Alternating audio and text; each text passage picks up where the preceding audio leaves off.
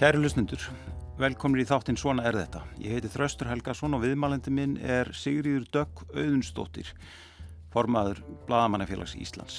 Sigriður Dögg á langan feril í bladamennsku en hún er nú fréttamaður á ríkisútarpinu. Sigriður Dögg var formaður Blagamannafélagsins fyrr á þessu ári og eitt hana fyrsta verk var að blása til máltingsum frelsi fjölmiðla á Íslandi. Ég ætla að ræða við Sigriður Dögg um stöðu bladamennsku á Íslandi og þróun fjölmiðla, um framtíðera og bladamennskunar og um fjölmiðla frelsi.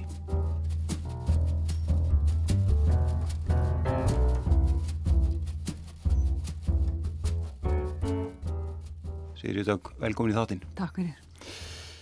Eh, Við getum eiginlega ekki byrjað þennan þátt með öðru en að minnast Dirmis Gunnarssonar sem fjall frá fyrir fá, fá einum dögum. Við störfum nú bæði undir hans stjórn á morgunblæðinu. Mm Ég byrjaði 95 og þú 99. Já, Uh, fyrir þó nokkur síðan, sem sé. seint á síðustu öll. Já. Uh, sko, hvað er hægt að segja um styrmið sem blagamann? Þetta áhrifa mikill í þessari stjætt. Já, algjörlega. Eitt af stóru nöfnunum í íslenskri blaðmennsku, það er alveg óhætt að segja það. Um, allir sem að kynntist honum fannst manni vera snortin af hans svona uh, personu. Um, hann reyndist mér rosalega vel þegar ég var á morgunblæðin, ég var nú ekki lengi, ég var þarna í ár áðurinn ég fór síðan, eða inn minn en ár áðurinn ég fór til Englands, til London. Fluttið þangað og, og fekk að taka vinnuna með sem að týrkast nú ekkert í, í þá tíma.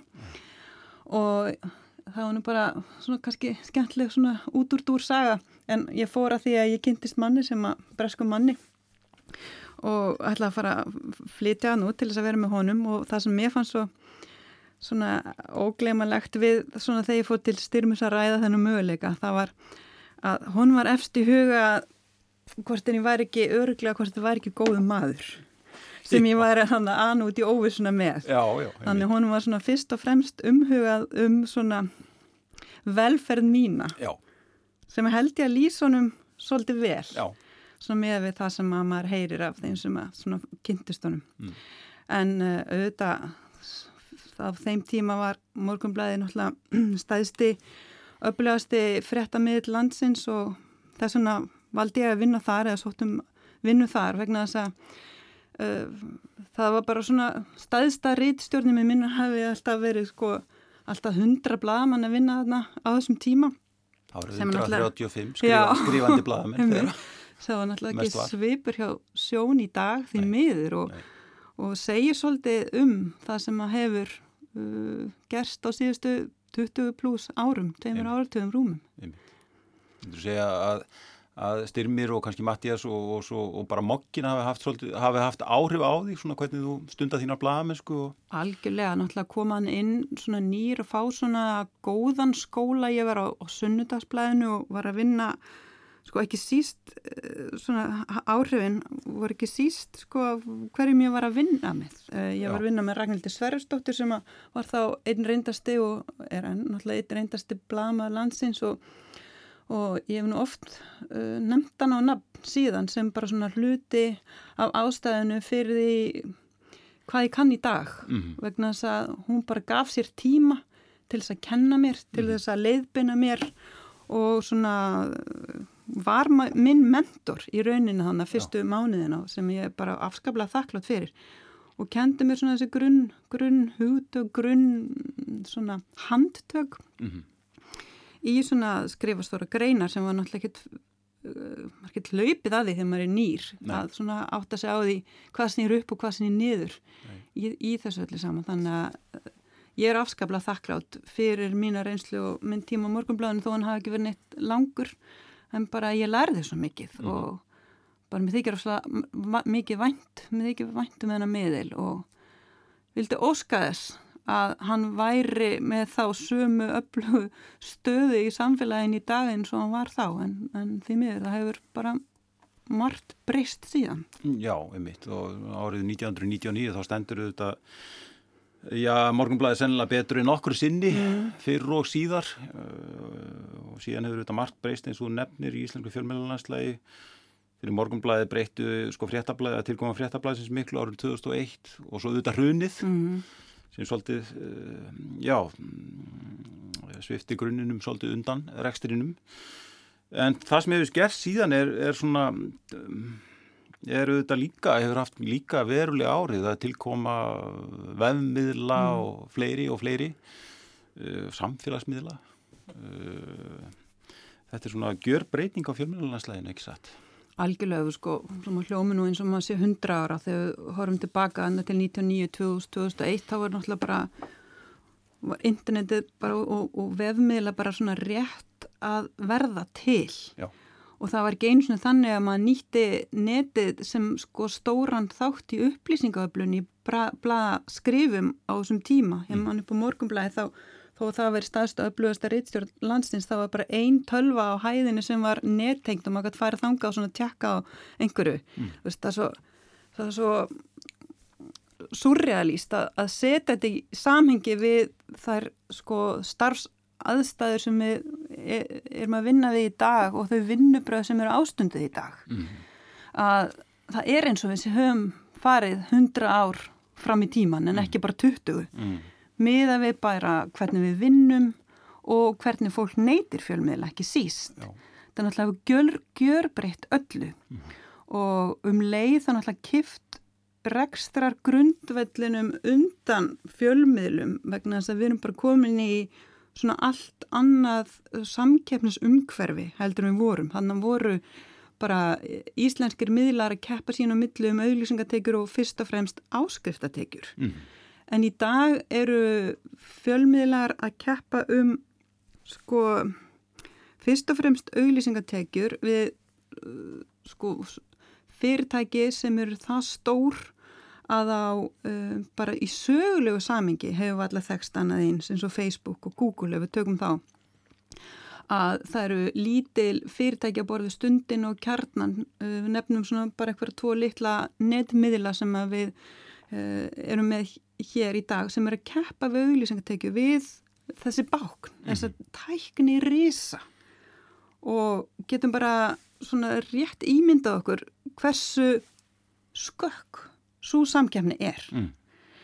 sem verður náttúrulega til þess að við þurfum sem samfélag að hugsa algjörlega upp og nýtt hvernig uh, við viljum hafa þetta umhverfi. Mm. Uh, hvað við getum gert sem samfélag til þess að tryggja það að hér séu sjálfstætt starfandi fjölmiðlar sem hafi uh, burði til þess að sinna og rækja þetta hlutverksitt sem er svo mikilvægt fyrir líðræðslega umræðu. Mm. Og ég held að það sé sko stóra verkefni sem er framundan eins og fyrir bladamannafélagi og fyrir stjættina.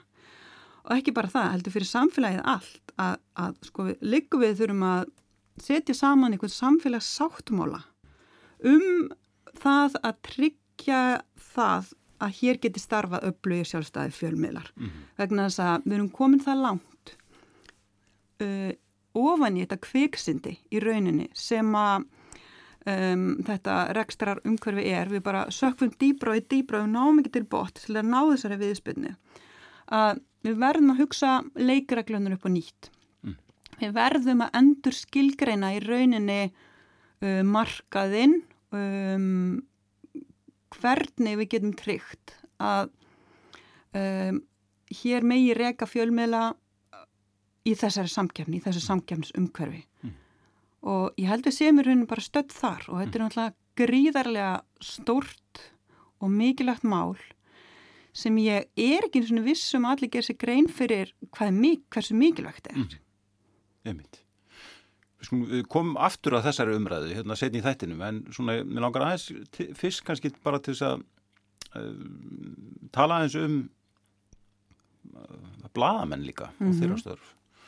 Og sko eins og þú nefndir hérna áðan, sko þá hefur náttúrulega bara starfsumhverfi bladamann að gjör breyst með tilkomu vefsins og samfélagsmiðla og Og, og það er vel orðin svolítið óljós mörg á milli þess hvað telst fjölmiðl og, mm. og, og hver telst bladamæður eða fréttamaður. Eins og dæmin sanna. Já, þetta er sko um, Er, er, er, er tilvera bladamannsins orðið svolítið flókin eða svona Sko já og nei sko um, þetta er svo markvægt við byrjum bara á að tala um starfið sem slíkt. Starfið er alltaf að sama og skilgreiningin er alltaf eins þó að aðferðirnar og uh, afurðin breytist. Uh, við verðum alltaf fyrst og fremst að hugsa uh, muna hvert okkar hlutverk er og tryggja það að allir sem eru nýjir í stjættin áttis á því hvert þeirra hlutverk er. Uh, hlutverki er fyrst og fremst að upplýsa, segja sannleikan, veita aðhald um, og svona og kannski eitt af þessum hlutverkum er þessi hliðvörslu, þetta hliðvörslu hlutverk sem að það er kannski það helsta sem að, sem að hefur orðið svona óskýrara eftir því sem að uh, upplýsinga óreðan er meiri. Mm -hmm. Hér áður fyrr þá uh, fekk fólk upplýsingar með einum hætti, mm meira minna, í gegnum fjölmiðla. Mm. Og það var mjög skýrt þetta, þetta hliðvörslu hlutverk fjölmiðla að fjölmiðlar fengu upplýsingarnar Uh, mátu þær síðan uh, inn á rittstjórn og það kemur hann inn hlutverku rittstjórnar í að meta upplýsingar uh, og ákvaða síðan hvað þetta er endi til almennings, setja það í samhengi og skýra það. Um, þetta er eitt af stóru hlutverkum fjölmjöla ennþann dag í dag mm. En kannski það hlutverk sem er orðið jáfnvel svona óskýrast vegna þess að upplýsingarnar komu svo mörgum áttum að fólk, fólk árið erfiðara með að greina hvaða upplýsingar eru áreðanlegar og þannig erum við að tala um þess að upplýsingar óreiðu og þessa falsfrétta umræði sem að, sem að við erum svona uh, hefur verið svolítið fókus á að undaförnu og það er eins og það vantir svolítið að upplýsa almenning uh, hvers vegna upplýsingar sem að þú finnur hjá fjölmiðlum eru áreðanlegri heldur en upplýsingar sem þú finnur á internetinu eða samfélagsmiðlum. Mm.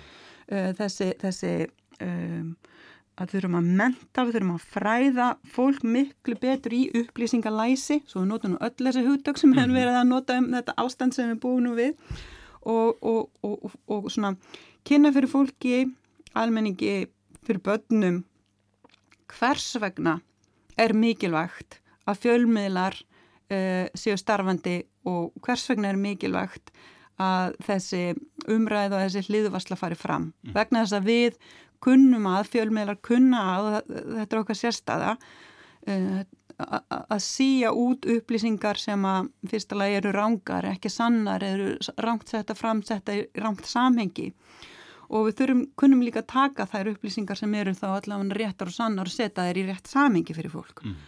Og um, ég held að þetta verði annað af stóru verkefnum samtímans er þetta og er að bæta upplýsingalæsi, bæta skilning hjá almenningi á mikilvægi fjölmiðla í þessu ljósi, í því, þessu samhengi.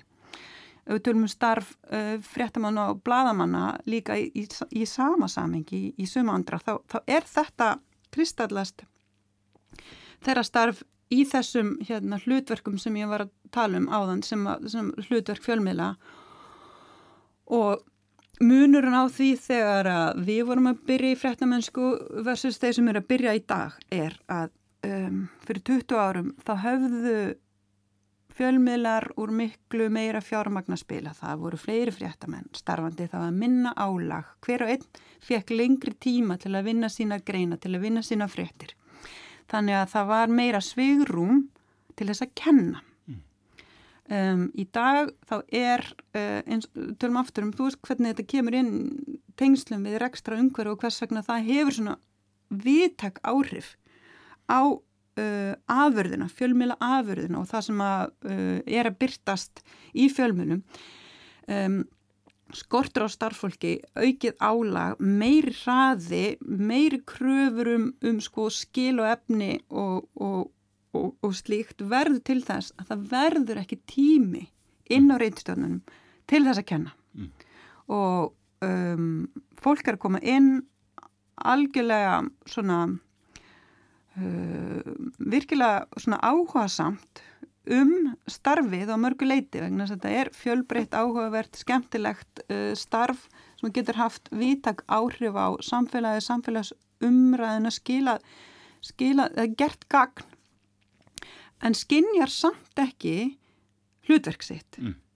og hlutverk sitt í samfélagsumræðinu, hlutverk sitt í að veita aðhald og gera greinar mun á uh, uh, fréttum öðru efni veist, þetta, þetta er orðið svo um, uh, það vantar svo mikið upp á það að þú getur komið inn og reyðstjórn og fengi bara mentor, þú getur mm. fengið kennara sem er þér bara innan handar eins og, eins og ég fekk að njóta með, með, með Ragnhildi Sveris sem dæmi að eh, hraðin verður líka þessi valdandi að það vantar uh, kennslu sem að síðan skilar verri um, afurð mm.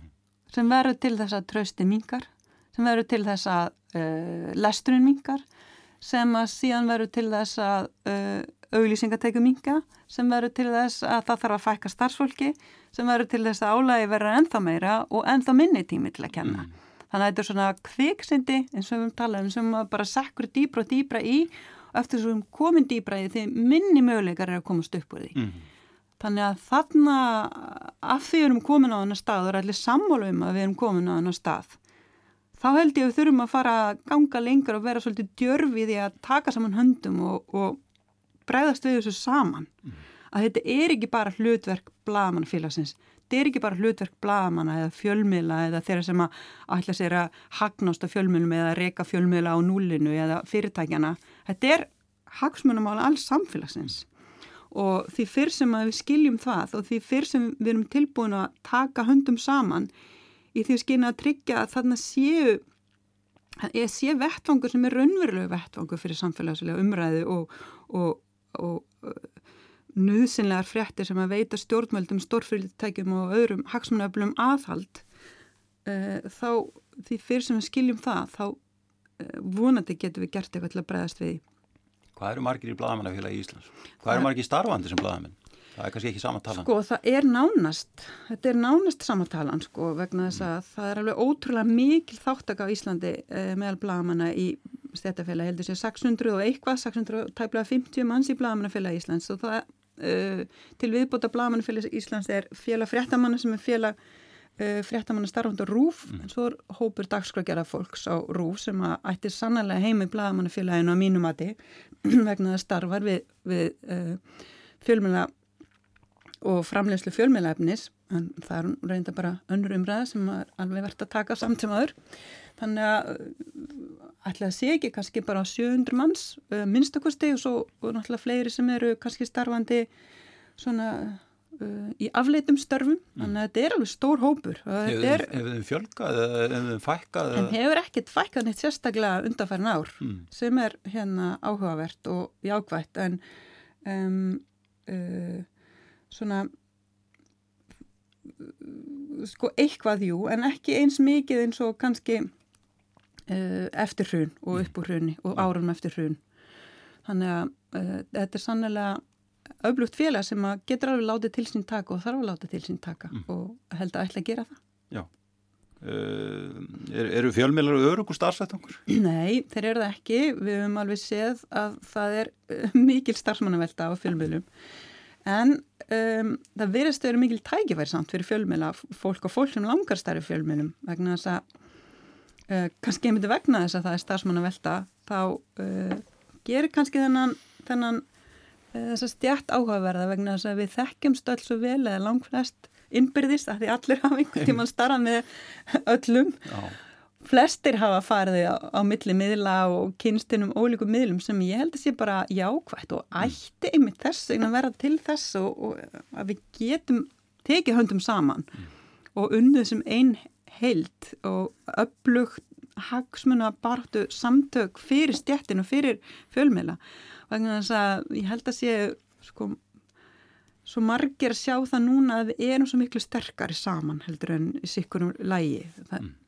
Miðlarnir sé ekki að berjast svona sín og milli auðvitað er það alveg eðlilegt vegna þess að þetta er mjög mikið samkjæms umhverfi en ég held að við séum bara komin þangað í að að sjá það flestir að hagsmunirnir af því að standa saman er svo miklu meiri heldur en að vera sikkur lagi mm -hmm. að uh, sérstaklega eins og þessi er vegna þess að svona veltan á milli fjölmiðla og inn og út úr stjættin er svo mikil að þú veist ekkit hvað þú verður að vinna á hvaða fjölmiðlu þú verður að vinna á næsta ári mm -hmm. þess vegna, þú veist bara kannski að Já. þú ætlar að vera fjölmiðlum. Starfsumhverju breyst svolítið líka að því liðnum til og við séum dæmið það bara í umræðinu á síðustu misserum að blaman eru svona e, þeir eru berskjaldaðri. Mm, það er miklu meiri aðgangur að þeim heldur en var þegar við vorum til þess að byrja í þessu fægi Já. þegar maður var eiginlega ósýnilegur. Mm og það var ekki einu svona myndamann í blaðinu það var bara nafni mann spyrtist einstöku sinnum. Uh, sko standa blaðamenn sko veikt inni á sínum fjölmiðlum er, er svona er, er hart sótt að þeim harðar en áður og, og er þetta svona orðin svolítið svona já, harðari heimur að, að vera í Já, ég held að það sé alveg óhætt að segja það, eins og segir, við erum miklu sínilegar en við vorum og betri aðgangur að okkur og fyrir utan það bara tilkoma samfélagsmiðlana verður til þess að umræðanur er komin á eitthvað annan, uh, eitthvað annað plan. Mm -hmm. það er ekki lengur svona málefnilega umræða um, um efni fréttarinnar uh, heldur, er, er þetta sko orðið svona orðið svona personu, umræðinni personugerð mm. uh, blaðmenn eru sagaður um alls konar hluti, þeir eru sagaður um að uh, ganga erinda einhvers, jáfnvel eiganda uh, hagsmunabla um, ættmenna mm. personulegar hagsmuna án þess að sé fótur fyrir þeim ásökunum. Mm. Það er svo auðvelt að komum við fullriðingar eða ásakanar sem eru bara á lausi loftu gripnar á samfélagsmiðlum. Mm. Og til að mynda svona ný könnun sem var uh, gerð af Háskóli Íslands og fleiri háskólimendin alþjóðlega rannsók sem að um, háskólinn tók þátt í sem sínir fram á það að minn, minnir að hafi verið þriðjungur eða 40% eða meira af öllum blagamönnum á Íslandi sem að hafa orðið fyrir einhvers konar áreitni eða, eða e, jafnvel svona ofbeldi á netinu mm.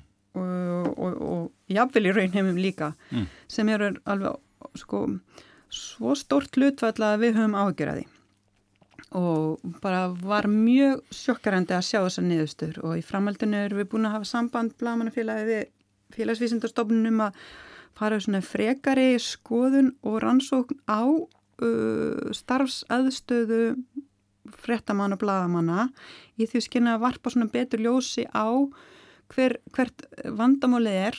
Og langar að vita hverskins uh, áreiti, hverskins uh, hótanir mm.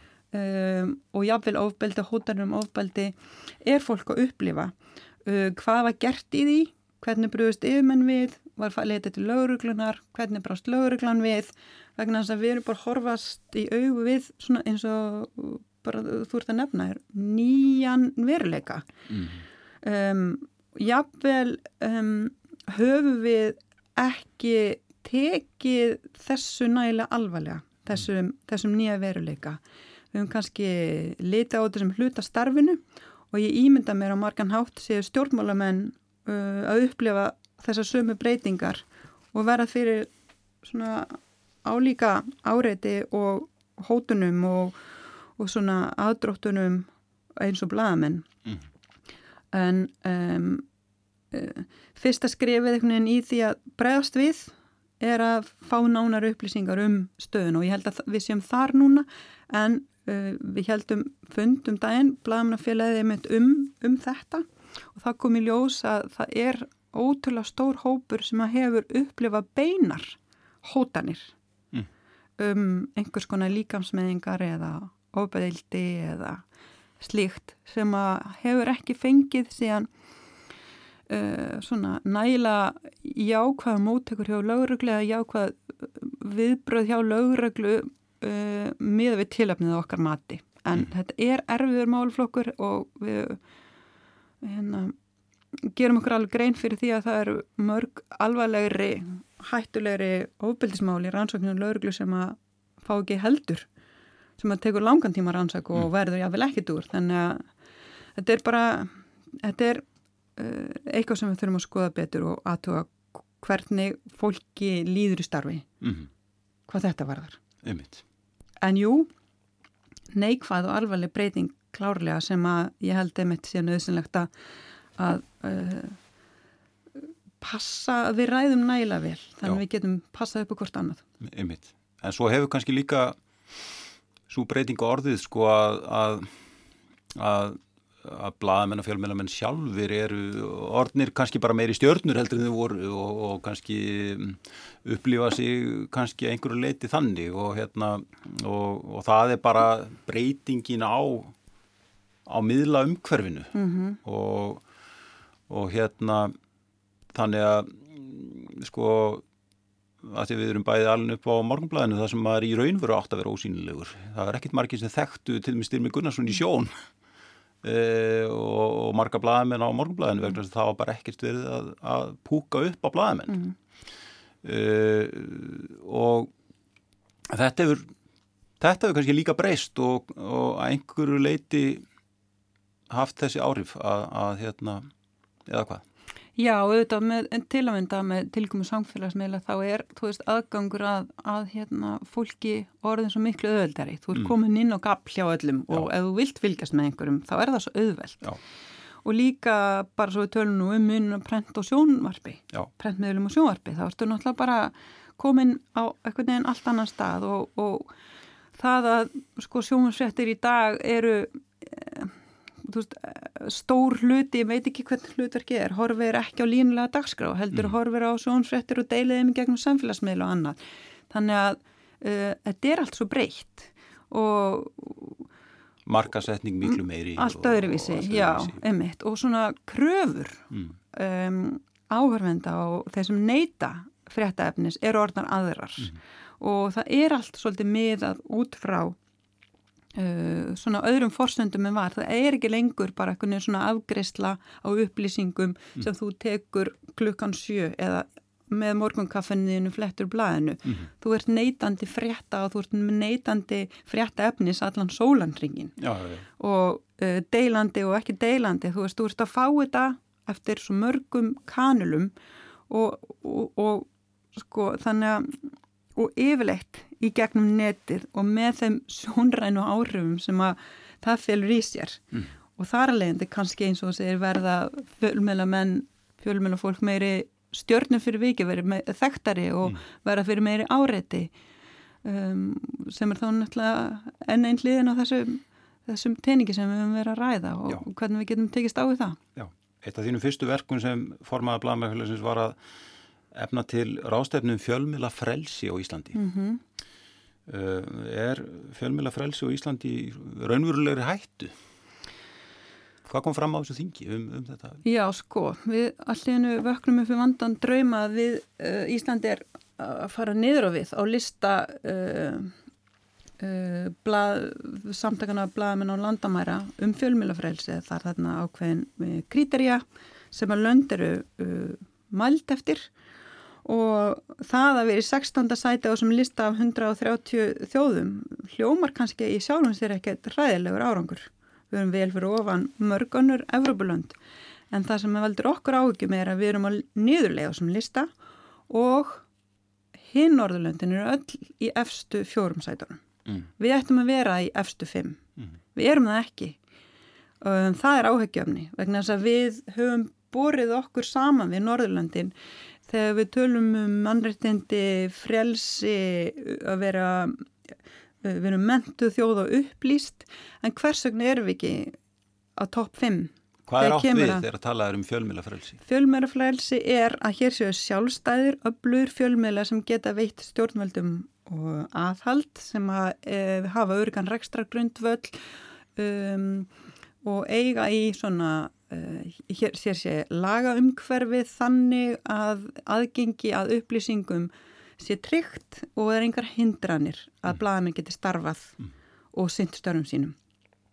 Það var bent á að um, af þessari uh, nefnd sem að, sem að metur löndin að samband stjórnmála og uh, fjölmiðla hefur súrnað á undarferðum árum. Akkurat og ég held að við sem störfum í fjölmjölum getum alltaf tekið undir það og ef við horfum tilbaka þá náttúrulega uh, byrja breytingarnar uh, til hins verra eitthvað neginn svona um, eftir hrun og í tengslu við hrunið. Um, við sjáum mikla breytingar á því hvernig talað um fjölmjöla og fjölmjölamenn eftir Panamaskjölin.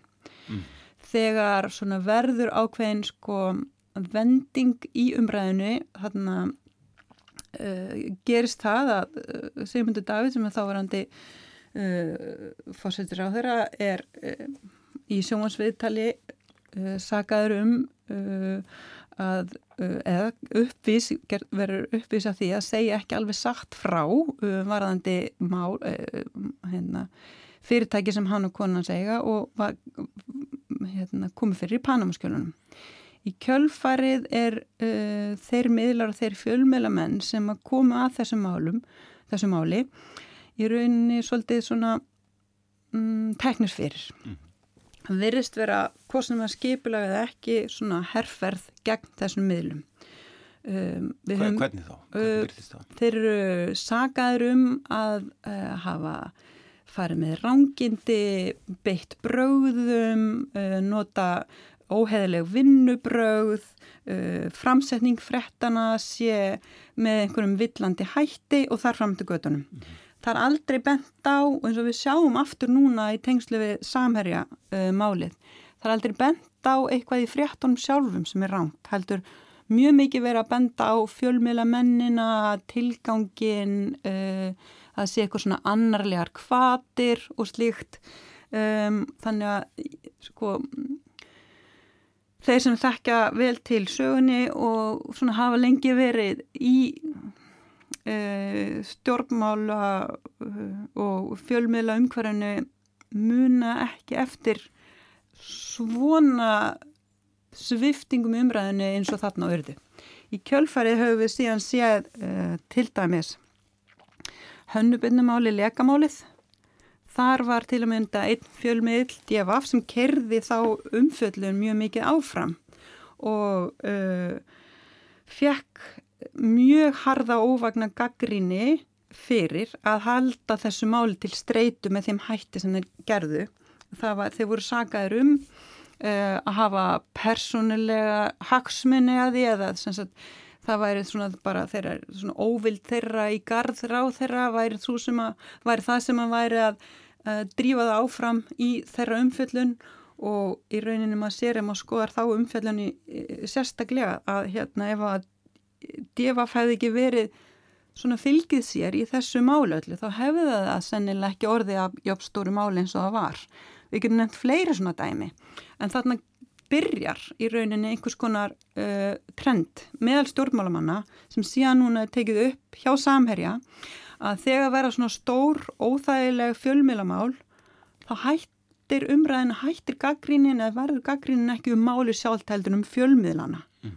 fjölmiðla fólki, bladamennina og svona verið að svona grafa undan þeirra trúverðileika, þeirra heilundum og með því að reyna að láta líta svo, svo út sem að þeir hafa eitthvað óhreint mjöl í pókavotnunu þetta síðan vindur upp á sig og það er þetta einhvern veginn sem verður til þess að um, svona um, betur fyrr virðist samt sem áður uh, að tröst á íslenska fjölmiðla sé ennþá uh, nánast á sama eins og var. En sko umræðan hefur breyst og við þóru ekki að fjölmiðla munnum, fjölmiðla fólki blagamönnum og það virðist vera þarna svona ákveðin svona uh, misræmi að milli þess sem fólk treystir fjölmjölum og treystir fjölmjölufólki, blamunum, sem er svo áhugavert. Og veldiði fyrir sig hvort að þessi svona, þessa reglulegu svona ófræðingar herrferði sem spretta upp í kjölfa svona óþægilega erfiðara mála fyrir fólk síðan,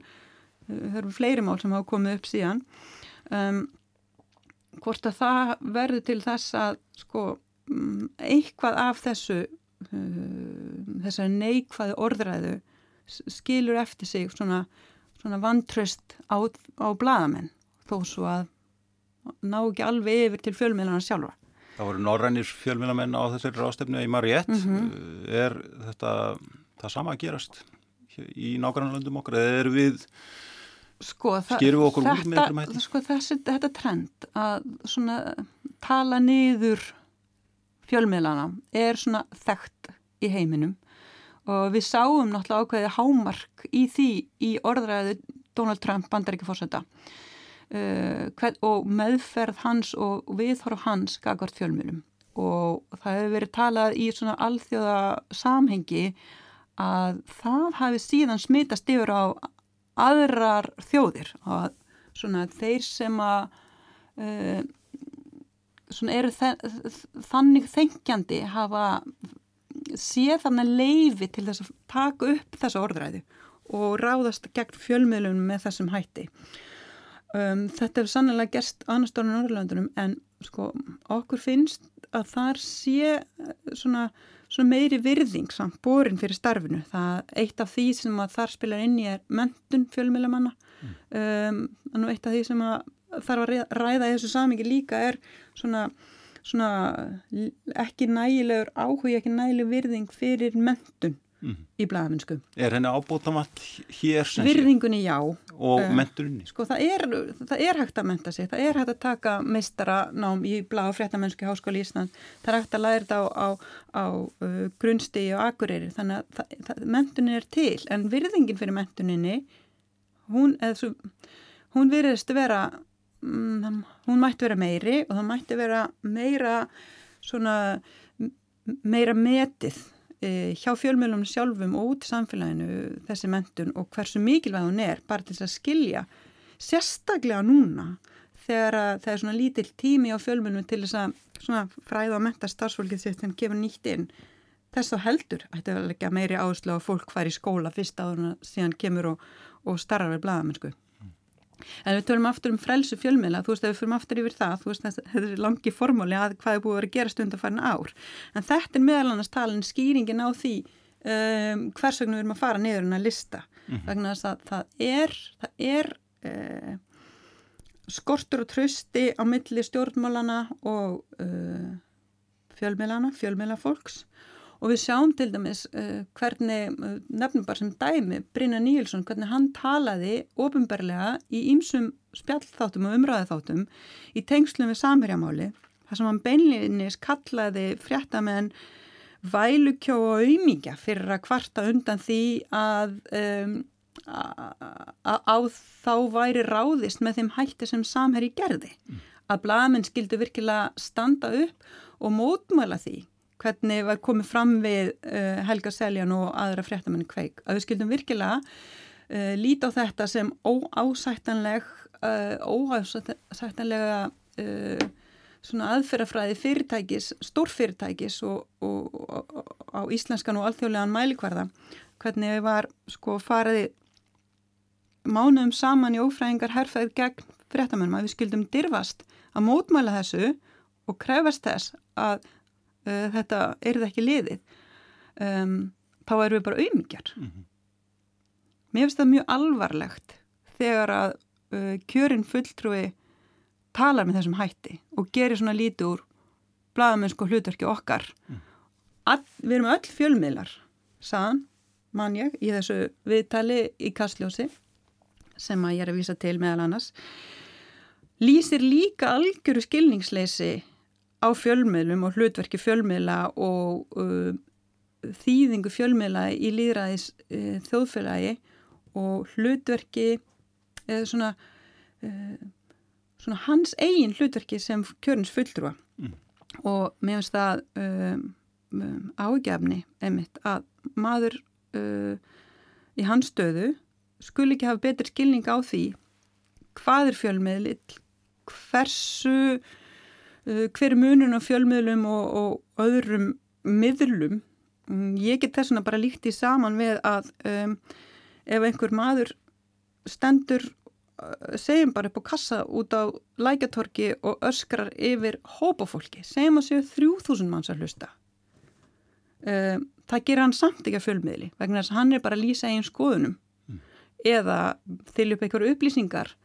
Um, ef að einhver í fjöldanum fer með þessar upplýsingar upp á skrifstofu þar sem að hann berðar undir samstagsfólk sitt á rittstjórn, vegur og metur, gildi þessar upplýsinga, uh, kannar trúverði uh, leika þeirra, setur þær samikið fyrir fólk og byrtir það síðan í fjölmiðli sem kannski 300 manns lesa, þá er það samt fjölmiðl. Mm. Þó svo að um, lesendurnir séu færri vegna þess að það, þessar upplýsningar eru búin að fara í gegnum þessa síu sem að fjölmiðl er þessa reytstjórna síu mm. og setja uh, hlutina í samhengi og, og tryggja þessu sannleikunum samkvæmt þessar upplýsingar og að um, kjörnir fulltrúar skul ekki skilja munin þarna á það svona vekur upp spurningar um hvort að við séum sem stjætt eða sem samfélag nægilega dögleg í að upplýsa fólk um,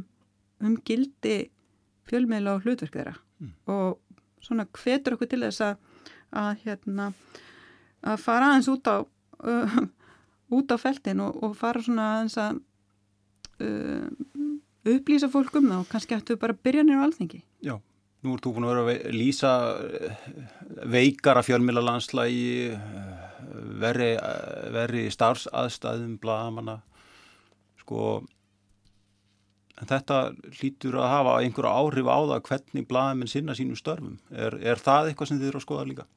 Já, auðvitað. Hafa, hafa vinnubröðir að versnað, bytnar þetta á vinnubröðunum? Uh, eða hvern, hver, hver sko, er einhver umræða um það? Já, allir tala um hraðan, uh, kröfunar, pressuna og að skila efni og hérna skort á tíma til þess að fara í svona innan gæsalappa svona alveg rannsóknarbladamenn sko, að fara í, í vinnu sem krefst tíma. Og þegar tala við skona kollega mín út í heimi þá verðist þetta vera þó að þetta sé alheims vandamála að tíminn sé ára svona miklu meiri skortnum skamti en áður og fólk var minni tíma til þess að vinna efni, þá er það bara alls ekki eins mikið vandamál annars það eins og hér. Um, mér heyrist á mörgum miðlum hafi fókusin um, eftir að áskriftir fór að dragast svona saman og auðlýsingar fór að dragast saman og þetta er ekki bara hér sem að tæknirísarnir eru fann að soga til sín uh, auðlýsingafið, þetta er allstaðar. Eftir því sem fjármögnum að minna því meiri áherslu heyrist manni að margir miðlar í mörgum löndum, ég ætla ekki að alhæfa, hafi lagt í vandara efni, mm. framleiðslu á vandara uh, tímafregara uh, efni á borði, rannsóknarblæði, mennsku og slíkt. Mm. Og ég veldi í fyrir mig hvort að það sé ekki rétt að leiðin vegna þess að þessar upplýsingar sem við erum að dæla út, sem er alveg mikilvægur líka, hvort að þær sé ekki bara, það er hægt að fá þær svo mörg, í svo mörgum miðlum, hvort að sé tilefni til þess að miðlar fara að skoða það að búa sér til sína sérstöðu og þú gerir það í rauninni með því að framleiða uh, vanda fjölmjölaefni sem að þú far hver ekki annar staðar. Maður hefur líka séð þetta með efnisveiturnar eins og Símin og, og Vodafone sem eru að framlega efni í samkjafni við uh, al, alþjóðlegar efnisveitur að þeir verða að framlega vandað Íslands sjómasefni og eins og Rúf líka til þess að fólk fáist til þess að horfa vegna að þú verður að finna þarna eitthvað sem þú finnir ekki annar staðar. Og ég veldi fyrir mig hvort að þetta sé líka einhver leið sem að miðlarnir þurfa að fara að skoða hvort að í staðan fyrir að draga saman, draga saman, draga saman hvort að sé ekki hægt að auka í og koma samt út í plús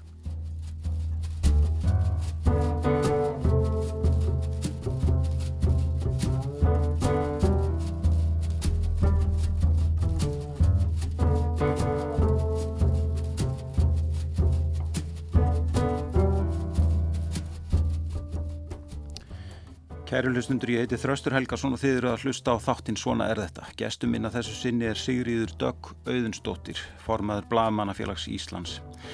Í þessum þáttum hefur við rættið forðunlegt fólk úr ímsum kimum samfélagsins um reynslu þess og viðhorf. Jón Ormur Halldórsson, alþjóða stjórnmálafræðingur, rættið um stöðunni í alþjóða málum. Hægt er að hlusta á Svona er þetta í spilararúf og í öllum helstu hlaðarps veitum. Fyrir Evrópu það er mjög erfitt að gleima tíma Trumps Mm. Uh, sjálfur var ég nú bjart síðan á það að Trump tækist ekki að vinna stórkoslega tjónu vegna þess bara hvað bandarist valdakerfi og stjórnkerfi er flókið og þjætt og, og hérna hvað margir aðalis að standa mjög fastan vörðum ákveðna grunnatriði en Trump gekk lengra, gekk lengra heldur mér dætt í hug og áhrifin eru ansi viðtæk og ég held að Evrópa venn þetta verður svolítið eins og vekjaraklöka hefur ringt í Evrópa með það að það sé ekki alveg sjálfsagt að Evrópa sé í skjóli bandaríkjana því hún sé það greinlega ekki. Sigriður Dögg, mér langar aðeins í framald að þessari umræðu að spyrja þig hvernig þú sér svona fjölmiðla þróast á næstu árum sko, lifa hefðbundir fjölmiðlar af eru þessar stóru rítstjórnir sem við höfum bæði starfað á eru það lífanlegar í þessu umhverfi sem hefur skapast á fjölmiðlamarkaði? Sko, það sem hefur verið gerst svolítið í kringum okkur er að um, svona áskrifta fjölmjölar hafa verið að sækja sér veðrið. Fólk er núna alltaf átt að segja á því. Eh, jafnvel svona verið að tala um í tengslu við COVID og mikilvægi þess að geta leit fundið áræðanlegar upplýsingar. Fólk er átt að segja á því að það þarf kannski að borga fyrir áræðanlegar upplýsingar og margir eru virðast vera tilbúinir til þess að gera það.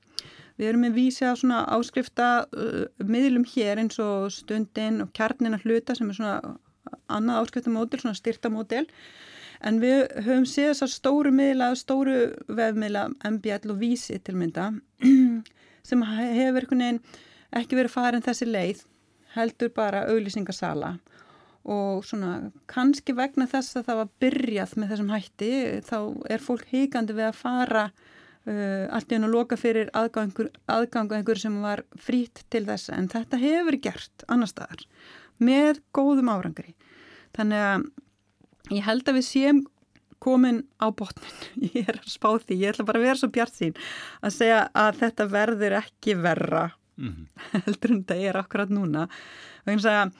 Við munum finna leið til þess að uh, svona, tryggja ekstra grundvöld á þeim fjölmjölum, ég veit ekki hvað það verður margir eða hvað það verður stórir en ég, ég trúi því að fólk muni átt að segja því að um, þetta er mikilvægt, mikilvæg uh, mikilvæg auðlind fyrir samfélagslega umræðu mm. fjölmiðlar og við þurfum bara að tryggja það að þeir séu starfandi. Um, eitt af því sem við þurfum að fara að ræða meiri alvöru er hversu miklu fjármögnu viljum við að ríki verja til styrtar um, íslenskum fjölmiðlum og þetta er ekki lengur spurningum hvort, heldur mm. bara hver mikið. Mm. Uh, við höfum tekið það ákvarðin eða allþengi tók það ákvarðin að styrkja fjölmila og það er í fyrsta sinn í sögunni og við erum með því að brjóta blað í svona pólitíkinni gagvart fjölmilum en notabenni að Ísland er eina ríkið í rauninni nánast á Norðurlöndum sem fær ekki ríkistyrki á undaskildu rúf.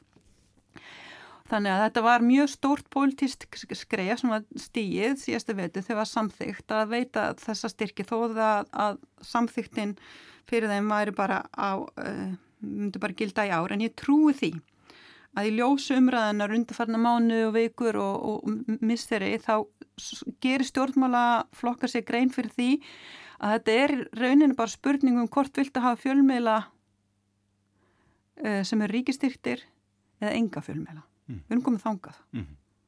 Og þessi pínu, ég ætla, ekki, ég ætla að reyna að nota ekki neikvægt og hallar, eh, þú veist, hérna, niðrandi orð um þá umræði sem að maður heyrir alltaf öðru hverju.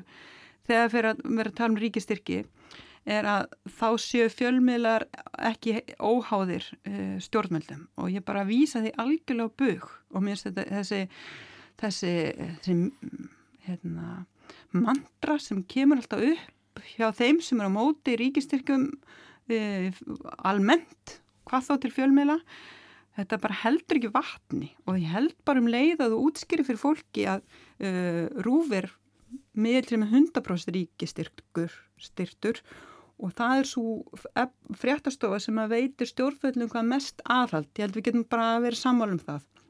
Það hefur bara sínt sig í sko, fjölmjöla umræðu undarfanna ára. Ef einhver veitir stjórnfjöldum aðhald þá er það fréttastofa rúf svo er að spurningunum hversu óháð eru fyrirtækinn gagvart eigundu sínum yfir höfuð.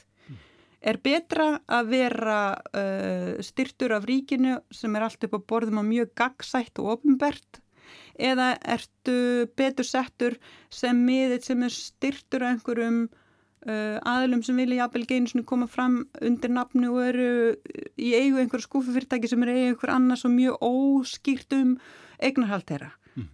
Um, ég held í fram að það skipta engum máli hver á fjölmiðlana mm. og hvaðan styrkirni koma vegna þess að fjölmiðla fólk vinnur bara samkvæmt um, þeim gildum sem að ríkja í, í stjættinni og þeim heilindum sem að þar gilda því að án tröst og án trúveruleika þá ert ekki neitt, hvorki sem blamaður nefn fjölmiðl. Þannig að ég sé fyrir mér að uh, við séum að fara að uh, skatleika þessa tæknirisa og það er peningar sé að fara að reyna beint óskertir inn í íslenska fjölmiðla uh, landslægi til engareknum miðlana fyrst og fremst og við þurfum að gera þennan samfélagssáttmála um það að hér viljum við tryggja að séu óháðir sterkir fjölmiðlar. Við getum auðvitað að halda áfram í allan dag, sýrið dög. en, en tíminu hlaupin frá okkur, það var gaman að fá því þáttinn. Takk fyrir mig. Takk fyrir komuna. Kæra lusnundur, við verðum hér aftur að vikuleðinni. Góða stundir.